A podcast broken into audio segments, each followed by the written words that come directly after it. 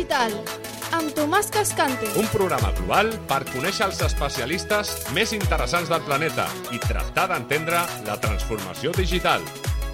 El món és digital. El món és digital, El món és digital. amb Tomàs Cascante. Hola, benvingudes, benvinguts un cop més a El món és digital, un programa que fem amb la col·laboració de PIMEC, la patronal de la petita i mitjana empresa i dels autònoms de Catalunya. El món és digital. El món és digital, El món és digital. amb Tomàs Cascante. Com a cofundador i membre del jurat del Premi Donatic, he cregut que estaria bé començar l'any dedicant el programa a la situació de la dona davant de la tecnologia.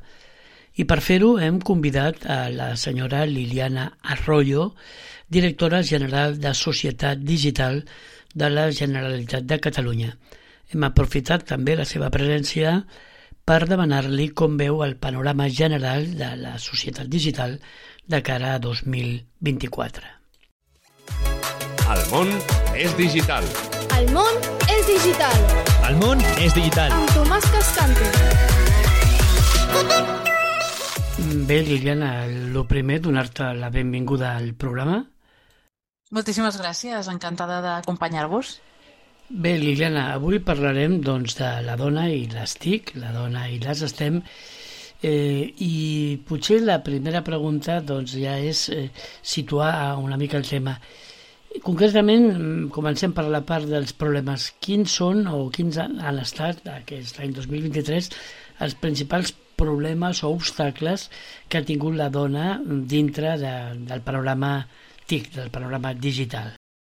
Entenc que, que ens referim a que és l'àmbit tecnològic com a, com a talent, no? És a dir, quan les dones participen com a professionals en l'àmbit tecnològic, doncs aquí ens trobem un, un biaix de gènere important, no? D'acord amb, amb el Digital Talent Overview i amb el, amb el baròmetre del sector donatic que vam, que vam presentar doncs, a, a mitjans de 2000, del 2023, el que veiem és que per cada dona contractada hi ha tres homes, no? Això, evidentment, és una descompensació si tenim en compte que, no, que les dones som el 50% de, de la població aproximadament i per tant doncs aquí hi ha un cert, un cert desequilibri. També hi és quan parlem de tema de salaris, no? també n'hem sentit a parlar molt d'aquesta bretxa de salaris, però la pregunta sovint és eh, per què passa això? No? Això, és un, això és un reflex de tota una sèrie de circumstàncies que tenen a veure amb estereotips i sovint són estereotips que, que perpetuem les pròpies dones, no? de no considerar-nos vàlides a l'hora de ser professionals en l'àmbit tecnològic.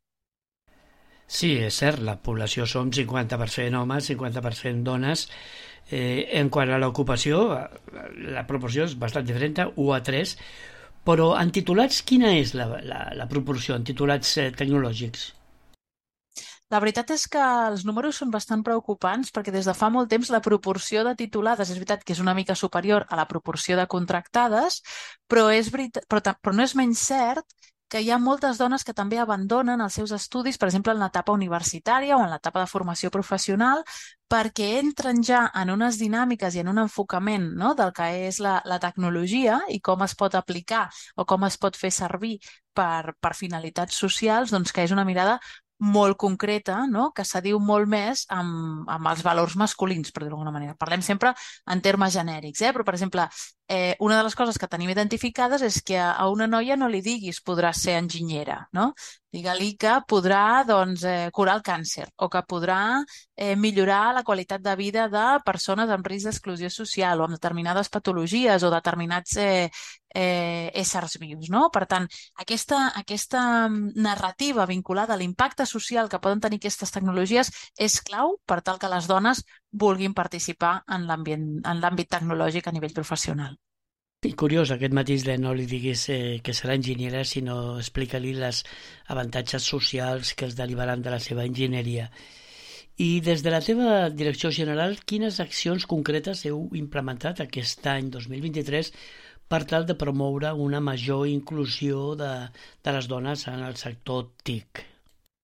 Mm, hem treballat en diferents línies eh, i si anem en ordre cronològic, no, diguem-ne, um, el primer que hem de fer és anar a les escoles, no, a l'àmbit d'educació eh, d'educació primària, diríem, eh? perquè sembla que les vocacions és una cosa que, que es desperti quan hem de triar batxillerat, no? quan acabem l'etapa eh, d'educació obligatòria, però no és cert. Els estudis el que ens diuen és que al voltant dels 8 anys és segurament el moment d'oferir referents i construir referents per tal doncs, que puguem imaginar-nos què volem ser de grans. No? Llavors, en aquest sentit, una de les eh, coses que hem fet ha estat connectar dones referents amb eh, instituts i centres d'educació. De, ho hem fet, eh, per exemple, amb la campanya de Dona Ciència, Dona Tecnologia, que probablement l'haureu vist amb, o l'haureu sentit en falques de ràdio, l'haurem vist en marquesines d'autobús i de més, però també, per exemple, el dia 27 d'abril, que és el dia de la nena i la dona en, la, en les TIC, no? justament és com la, la efemèride no? eh, del tema que estem parlant avui, doncs vam crear una sèrie de tallers i, i vam convidar diferents escoles que poguessin participar. I aquí, molt important, eh, eren tallers, per exemple, de pensament computacional, no, no necessàriament de robòtica, no? sinó més de, en clau de eh, quina és la mentalitat al voltant no? de, de, de la programació, més, com dèiem, aquest pensament computacional, i en aquests tallers eh, vam convidar no només les nenes, sinó també els nens, perquè em sembla que un repte de present, ja no de futur, és que també els nois, els homes no? i els senyors que ara mateix estan contractant a les seves empreses han de tenir la capacitat de, de, de valorar, apreciar i visualitzar també aquest talent femení. No? I una altra de les accions que hem fet, a part de, doncs, de donar suport a múltiples, a múltiples esdeveniments, eh, un dels darrers als que hem donat suport en aquest, en aquest final d'any, en, en el mes de novembre, és l'STEM Women Congress, on és el primer congrés de talent femení, científic i tecnològic femení, on hi havia una taula d'homes parlant sobre eh, el privilegi de la invisibilitat. No? És a dir, el privilegi de poder no preocupar-se de quins estereotips s'envolten no? eh, i com això afecta la teva carrera professional, no només a l'hora de triar tu a què vols dedicar-te, sinó també doncs, eh, com et veuen els altres i quina progressió, no? Quin, quines possibilitats d'ascendir professionalment eh, pots tenir en el futur en funció del gènere que tinguis. I parlant de diferència, com perceps la bretxa salarial de gènere a les TICs aquí a Catalunya actualment i quin impacte té? Doncs la bretxa, la bretxa salarial hi és i, i tot i que estem començant a reduir-la eh, i tenim molta consciència posada en això, continua sent i moltes vegades eh, ja no és tant eh, el sou que rebem no, al, cap, al cap de l'any, que les dades ens indiquen que les dones, diguéssim, cobren fins a mitjans d'octubre, la resta de l'any treballen gratuïtament, no? mentre que els homes cobren de l'1 de gener fins al 31 de desembre. No? Llavors, si ho posem en aquests termes, eh, jo crec que és, no? és una fórmula com bastant reveladora de dir, doncs, escolta, aquesta bretxa salarial hi, hi existeix. Jo crec que ja no és només les condicions econòmiques, no? sinó també les condicions eh, materials i moltes vegades el que ens diuen les empreses, que també ens hem assegut amb algunes empreses que tenen ganes de fer les coses bé i de, no només de saber captar talent femení, sinó després de saber-lo retenir, perquè aquest és un altre és un altre repte, no? I el que ens diuen és que, per exemple, cal que les dones tinguin molta més capacitat de negociació, no? És a dir, una dona responsable d'un equip eh, probablement podrà lluitar per les millores de les condicions salarials del seu equip, però difícilment eh, anirà a demanar un augment, un augment de sou per ella. No? I això està molt connectat amb la síndrome de la impostora, també. Eh, per tant, doncs, també en el baròmetre de, de, del sector TIC eh, enfocat a dones que van fer amb el cercle tecnològic, això sortia, no? la importància d'oferir formacions per combatre la síndrome de la impostora i per, i per augmentar les capacitats de negociació no només pels altres, sinó també per, per elles mateixes. No? I un tercer element també interessant que, que sortia tenia a veure doncs, amb aquestes mesures no? de flexibilització, d'adaptació, no? per poder fer eh, millors esquemes de conciliació eh, de la vida personal i la vida, i la vida laboral, que no oblidem que aquests elements també augmenten la satisfacció dels homes, és a dir, el poder tenir temps disponible per les teves coses, tinguis o no família a càrrec, eh, no? o persones dependents a càrrec, és a dir, doncs perquè vols practicar un esport o perquè a part de treballar vols eh, tenir temps lliure per fer altres coses, doncs això és una qüestió que, que augmenta la satisfacció i el sentiment de pertinença a l'empresa, a la marca, a la firma, el que sigui, eh, de totes les persones que treballen a l'empresa. Començant des del principi, aquestes dones, quan són nenes, doncs reben una educació a l'escola i una educació, sobretot, a casa seva. Com valores la situació, la situació actual de l'educació i la formació antic orientada a nenes i a joves eh, aquí a Catalunya? Mm, mira, un dels reptes que, que trobem és que hi ha moltíssima oferta extraescolar, per exemple, no? Eh, de, doncs això, de programació, de robòtica, no? de, temes, de temes TIC molt, molt concrets i robòtica educativa i de més, no? que, que pot ser interessant per, per plantejar això. Després hi ha altres projectes com Technovation Girls, al que també li hem donat suport, o M-Schools, no? que tenen a veure amb, amb justament crear aplicacions vinculades a reptes socials, no? I és un treball en equip i fomenta la creativitat, fomenta, fomenta doncs, aquest, aquest treball conjunt, aquesta exploració, l'identificar un repte i acabar doncs, definint una solució que té una forma d'aplicació i després explicar-la no? i poder-la poder, -la, defensar, poder-la poder, -la, presentar. Però això no són programes que estiguin estesos en tots els centres educatius i, per tant, el repte que tenim és d'arribar no només a totes les nenes, no? o no només a les nenes, sinó també justament aquelles nenes en les que potser les seves famílies no hi ha ni tan sols la certesa de per què o, o ni tan sols la, el valor de que aquestes nenes acabin la seva educació obligatòria. No? Per tant, tenim un doble repte quan parlem de gènere mm, i nenes, no? perquè no totes les nenes, no totes les famílies amb nenes tenen igual de clar que les nenes també poden ser creadores de tecnologia. Ara, Liliana, si et sembla, potser seria interessant conèixer algun cas d'èxit. No sé si ens podries mencionar alguns casos d'èxit de dones antic aquí a Catalunya que podrien servir doncs, d'inspiració i, i d'exemple. Quan parlem de casos d'èxit en el món eh, TIC i en concret pensant, pensant en dones, crec que tenim la gran sort de tenir moltíssimes professionals, empresàries i, i emprenedores que encarnen aquests valors de la, de la dona TIC, no? que no només eh, no només són bones en el seu àmbit professional, sinó que a més a més són referents com a, com a persones, com a professionals i, i com a dones empoderades no? que, estan, que estan obrint camí i que a més a més són molt conscients de que, de que els seus exemples poden inspirar i que per tant doncs, fan accions activament per, per inspirar altres nenes i per connectar amb, amb altres nenes. No? Com a exemples, jo mm, voldria mencionar la Mar Porres, per exemple, eh, podríem mencionar la Núria Pastor, podríem mencionar doncs, la Carina Givert, més en l'àmbit universitari, podríem mencionar la Carme Pairó, la Núria Salan, és a dir, tenim moltíssimes, moltíssimes, moltíssimes. Però m'agradaria explicar que també tenim dones joves TIC que estan, que estan obrint-se camí i en l'àmbit de la formació professional Eh, per exemple, aquest any doncs, hem premiat a la, a la Emma Casadevall, no? que ella va mm, juntament amb, amb dues companyes més del seu, del seu curs de formació professional, doncs han, han dut a terme un projecte eh, basat en, és una aplicació basada en intel·ligència artificial connectada a una, a una pulsera Bluetooth que mm, és una mena de botó d'alerta no? i sobretot molt vinculada a, a temes doncs, de maltractament o de violència de, de gènere. I un altre cas, eh, en, en, en, aquest cas la categoria estudiàntic universitària, és la Inoa Castanyo.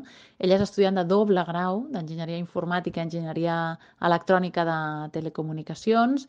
Eh, és absolutament activa en diferents eh, iniciatives de la, de la UAP i la TecnoUAP um, el Big Data Care Research, telecos.cat, és a dir, col·labora amb moltíssimes entitats i, i institucions i ella té una doble lluita. Ella té la lluita de les dones en l'àmbit TIC, però a més a més de les dones que estan en l'espectre, eh, en el trastorn eh, d'aspecte autista.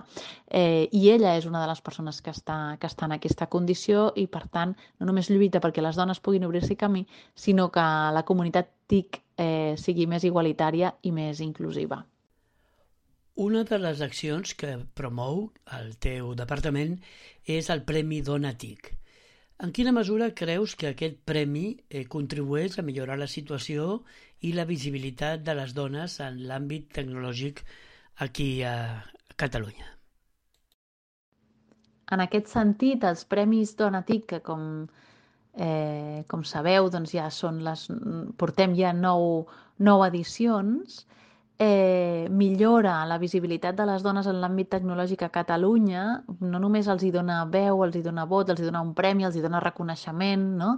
les anima a seguir en la seva carrera, les anima a continuar, no? a seguir remant, eh, sinó que a més a més permet que puguin connectar amb una comunitat de dones, i aquesta és una de les qüestions que també estem treballant actualment, no? que totes aquestes premiades no siguin només una base de dades de, de dones amb projectes espectaculars, sinó que a més a més puguin eh, constituir una comunitat doncs, de col·laboració, de reconeixement i de suport mutu, perquè les cures en tot el que té a veure amb el talent eh, femení també són molt importants. Bé, doncs eh, ha estat realment una, una entrevista molt interessant. Eh, potser per finalitzar, si et sembla, en vista de tot el que ens has explicat, eh, ens podries dir com veus el panorama concretament de la dona i les TIC aquí a Catalunya de cara al 2024 i quines accions teniu previstes emprendre des de la teva direcció general? Doncs de cara a les perspectives de, de 2024, esperem seguir treballant perquè el panorama de les dones TIC a Catalunya millori, millori a nivell de salaris, millori a nivell de captació de talent, les empreses i les entitats, les institucions tinguin eh, formes de, eh, de contractació, no? d'arribar a, a aquestes dones. Moltes vegades eh, també se'ns diu que no les contracten perquè no saben on anar-les a buscar, doncs aquí estem, no? El 2024 voldrem seguir teixint ponts, eh, no només per la contractació, també oferim mm, col·laboració per qualsevol persona que en l'àmbit digital tecnològic estigui eh, doncs, organitzant una jornada, una xerrada, un seminari, eh, qualsevol esdeveniment on busqui una veu especialista, doncs que sàpiga que nosaltres contem amb aquesta base de, de dades de dones TIC, científiques, tecnòlogues, eh, a les que segur podem, podem referir-nos i que segur que pode, poden aportar moltíssim. No? El 2024 esperem que sigui un any del talent TIC, del talent TIC inclusiu, eh, just i equitatiu, on les dones, però també les persones eh, amb discapacitat, d'orígens diferents no? i de cultures diferents, tinguin cabuda no només com a usuàries o a voltes víctimes de, del disseny, de com està la tecnologia pensada avui en dia, sinó que puguin ser també les creadores, no? perquè d'aquesta manera serà eh, la forma en què puguin donar resposta a les pròpies necessitats. No? Aquesta, aquesta idea de, de la cocreació o de ser les pròpies, les pròpies creadores. Per tant, el 2024 eh, el que demanem és que posem aquest enfoc en la mirada de no només les dones TIC, eh, sinó que ampliem aquest focus a la diversitat i a la inclusió i, a més a més, incorporem en tot el que té a veure amb l'àmbit TIC, STEM, STEAM, um, el component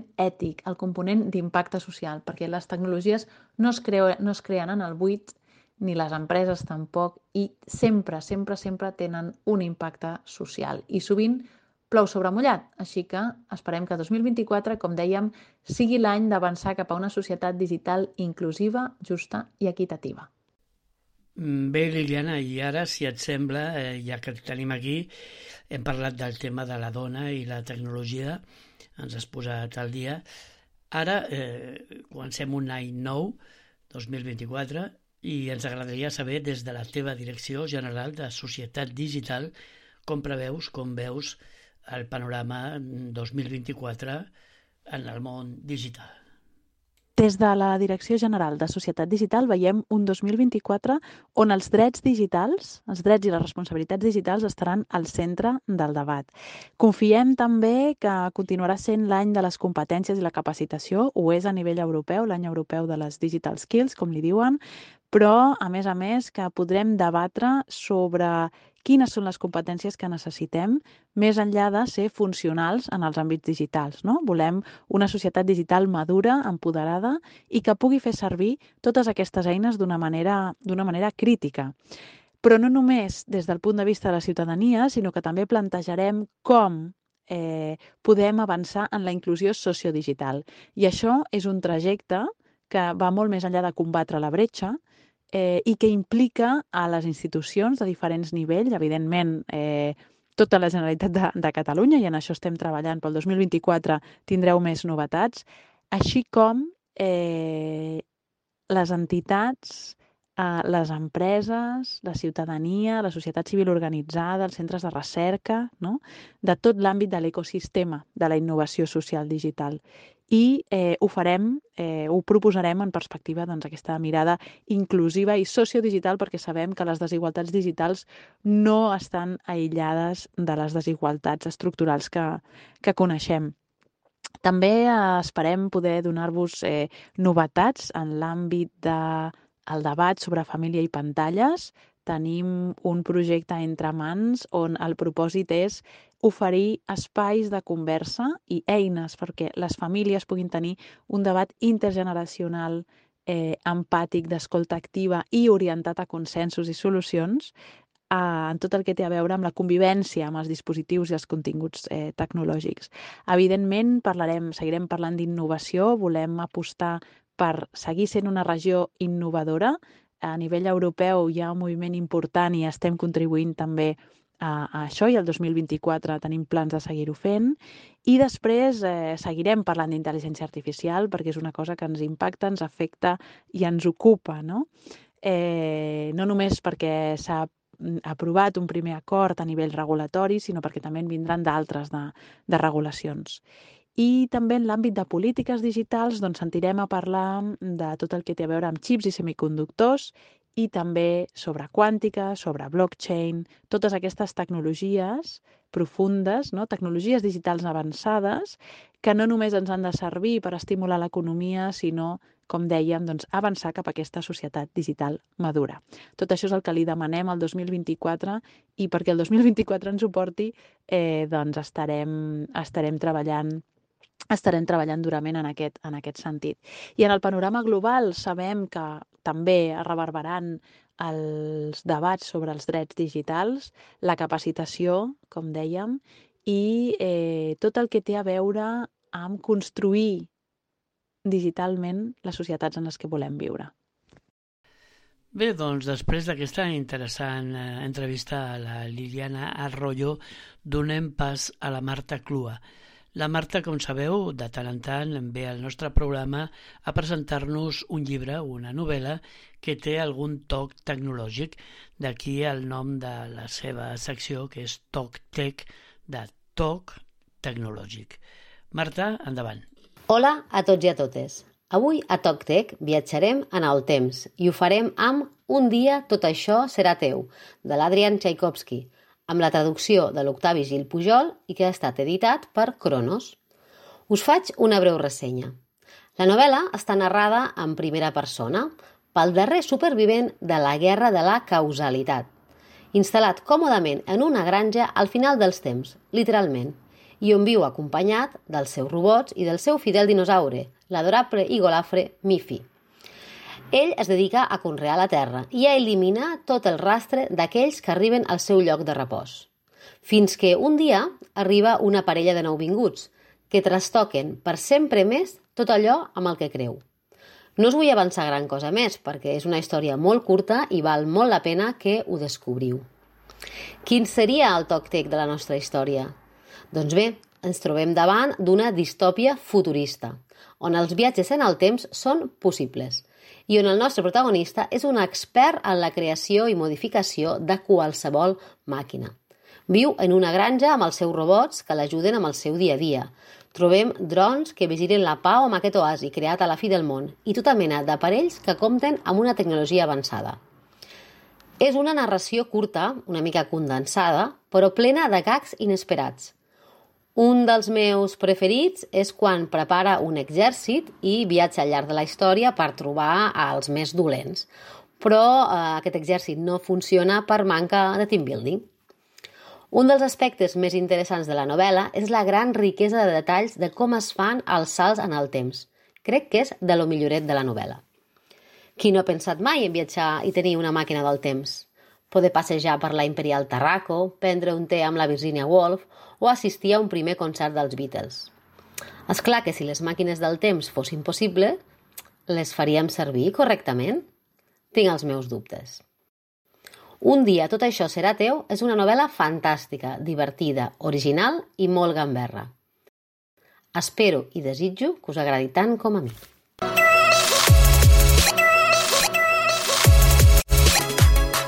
Món és digital. El món és digital. El món és digital. Amb Tomàs Cascante.